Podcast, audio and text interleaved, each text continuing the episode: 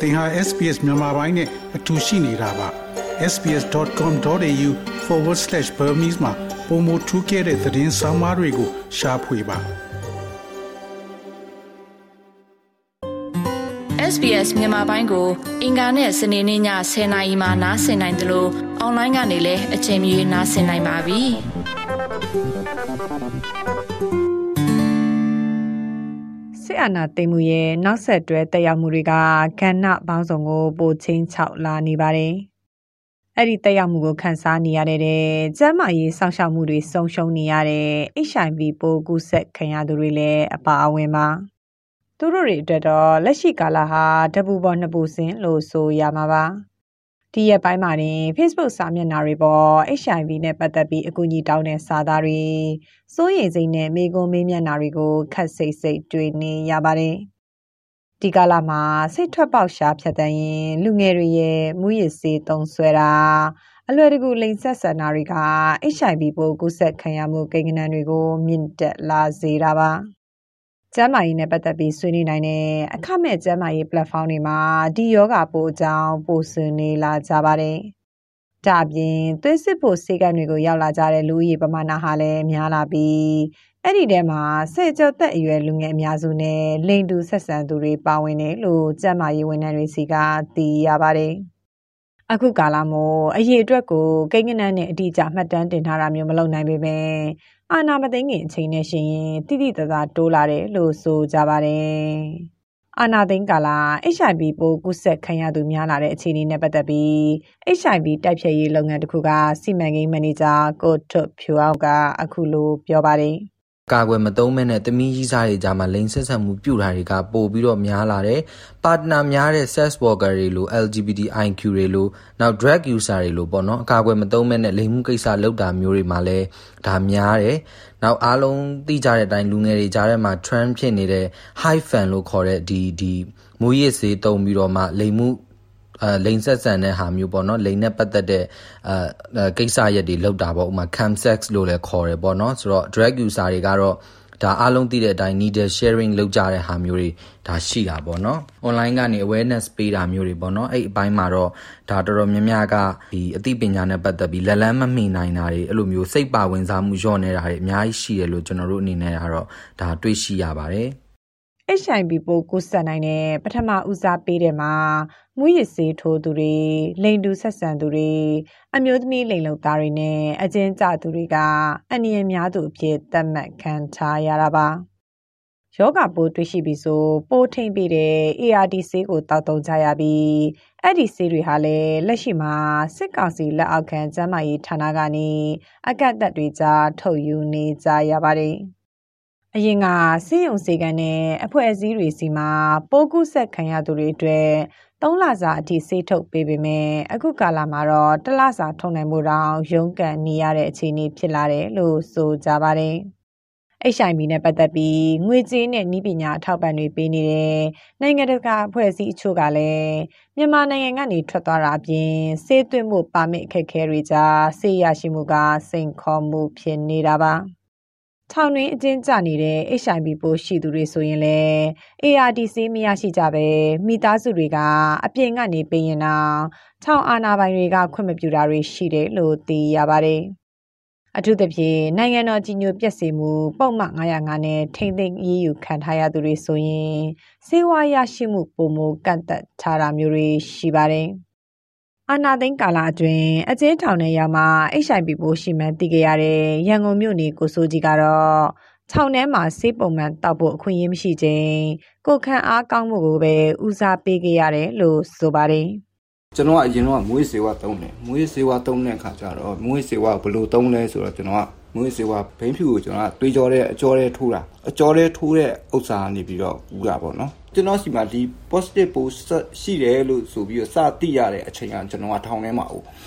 ထောင်ထဲမှာဆိုတော့ကျွန်တော်ထောင်ထဲမှာဖြတ်တန်းရတဲ့ဘဝကျွန်တော်တို့ကအချိန်မြေးဒီထက်ဒီထက်ဗျာဒီထက်အရေးကြီးတဲ့အခြေအနေတွေဟိုကိုကို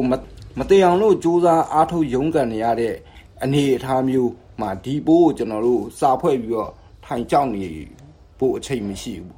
အဲ့လိုအနေထားမျိုးမှာကျွန်တော်ကကိုယ့်ကိုယ်ပိုးရှိရလို့တီးခဲ့ရတာပေါ့နော်ငါဒါကြီးနဲ့တည်တော့မှာပါလားဒီယောဂါကြီးဖြစ်နေပါလားဆိုပြီးတော့ထိုင်ခံစားနေလို့ရှိရင်အဲ့မှာလေအဲ့ဒီထောင်ထဲမှာလေကျွန်တော်တည်သွားတော့ပြီဒီစေးမှန်မှန်တောက်ဖို့ရယ်ကျွန်တော်တို့အိမ်ရေးမပြတ်ဖို့ရယ်စိတ်ဓာတ်မကြဖို့ရယ်နော်အစားအသောက်ပုံမှန်စားနိုင်ဖို့ရယ်ဒါတွေကအဓိကကြပါတယ်ပေါ့နော်ဒီစိတ်စိတ်ဓာတ်တွေပါတွေကတော့မကြအောင်ကိုယ့်ကိုကိုယ့်ကိုယ်ကိုပဲအားပေးရတာပဲကိုယ့်ကိုယ်ကိုပဲတင်းရတာပဲ စစ်ကောင်စီကတော့ HIV တိုက်ဖျက်ရေးလုပ်ငန်းလုပ်ကိုင်နေတဲ့အဖွဲ့အစည်းတွေကိုပါဝင်ရောက်စစ်ဆေးတာကောင်းဆောင်ပိုင်းတာဝန်ရှိသူတွေကိုဖမ်းဆီးအရေးယူတာတွေကိုလည်းလှုပ်ဆောင်နေပါတယ်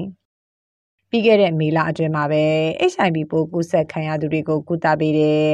NAC စင်တာကိုစစ်ကောင်စီတပ်သားတွေဝင်ရောက်စီးနင်းပြီး ART ဆေးတောက်နေရသူ12ယောက်ကိုဖမ်းဆီးခဲ့ပါတယ်။ ဒါကြောင့်အာနာသိန်းကာလအတွင်း HIV ပိုးဆက်မပြတ်ပွားအောင်တားဆီးဖို့ဆိုတာ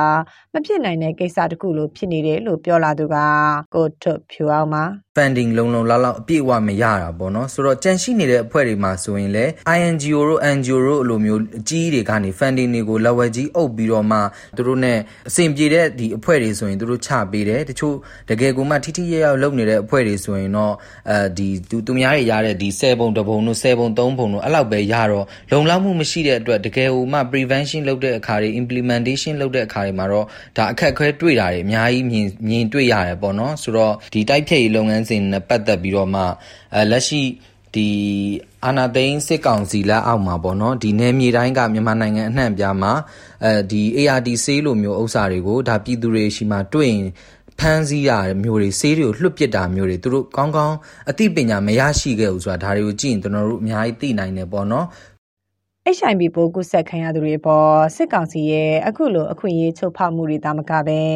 စစ်ပစ်ဒေသကဝေဒနာရှင်တွေဟာလည်းလုံခြုံရေးအရာရောတွာလာရေးအခက်အခဲကြောင့်မှ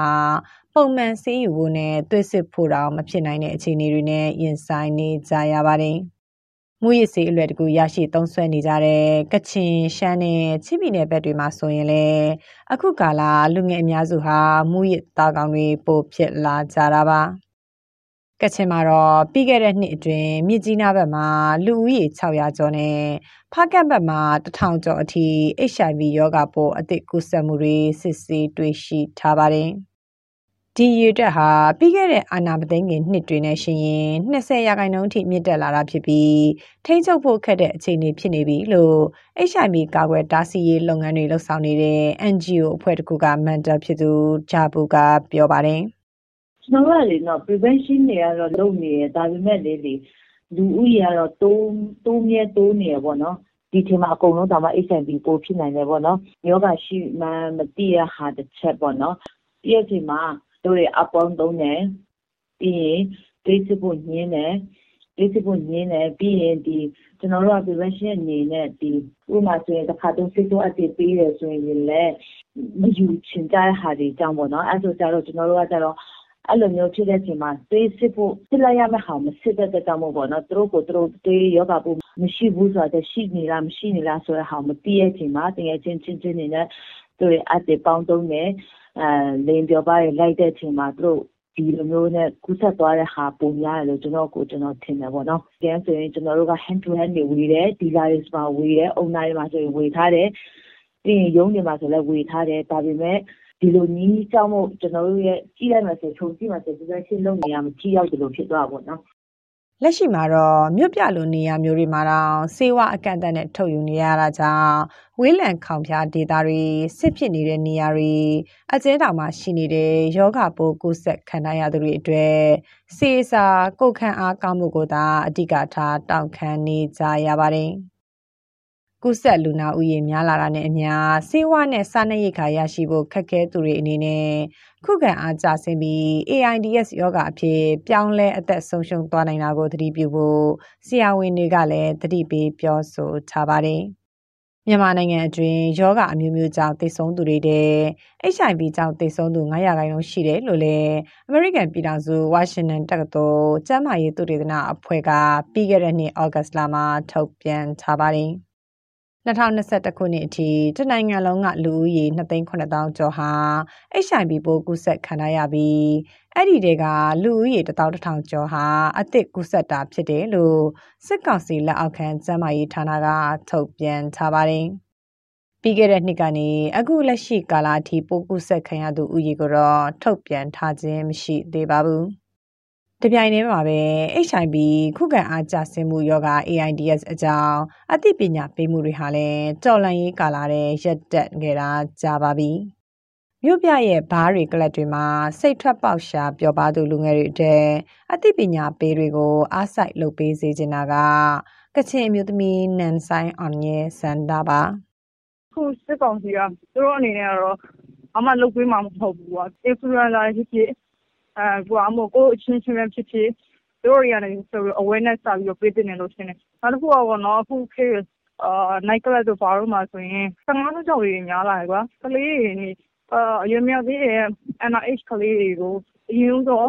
အာသိပညာပေးတင်တယ်လို့ရှင်းတယ်ပေါ့နော် social media တွေကနေတစ်ဆင့်ပေါ့နော်အာ influencer တွေကနောက်ပြီးတော့အခြားလူပညာရှင်တွေလည်းပို့ပြီးတော့အဲ့လိုမျိုး campaign တွေမှာဖြည့်ရောက်ပါဝင်ပေးတဲ့နေလို့ထင်တယ် မတိလိုက်ဖဲရောက်လာတတ်တဲ့ယောဂပိုး HIV ဟာအာနာသိန်းကာလမှာပိုပြီးခီးဆန်လာတယ်လို့ဆိုရမှာပါတစ်ချိန်တည်းမှာပဲစေဝါမလုံလောက်မှုနဲ့စားနပ်ရိက္ခာချို့တက်မှုတွေကိုရင်ဆိုင်ကြော်လွှားနေကြရတဲ့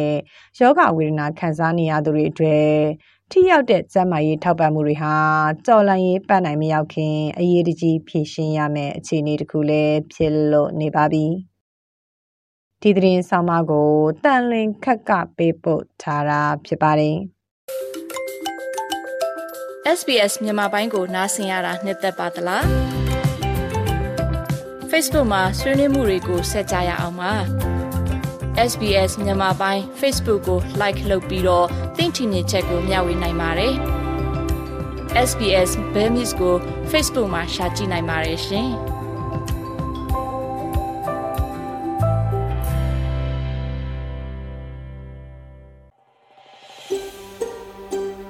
ဒါမျိုးသတင်းဆောင်မတွေကိုပိုနားဆင်လိုပါလား Apple Podcast Google Podcast Spotify တို့မှာသင်ပင်ရာဖြစ်ဖြစ်ရယူတဲ့ podcast ကနေပါ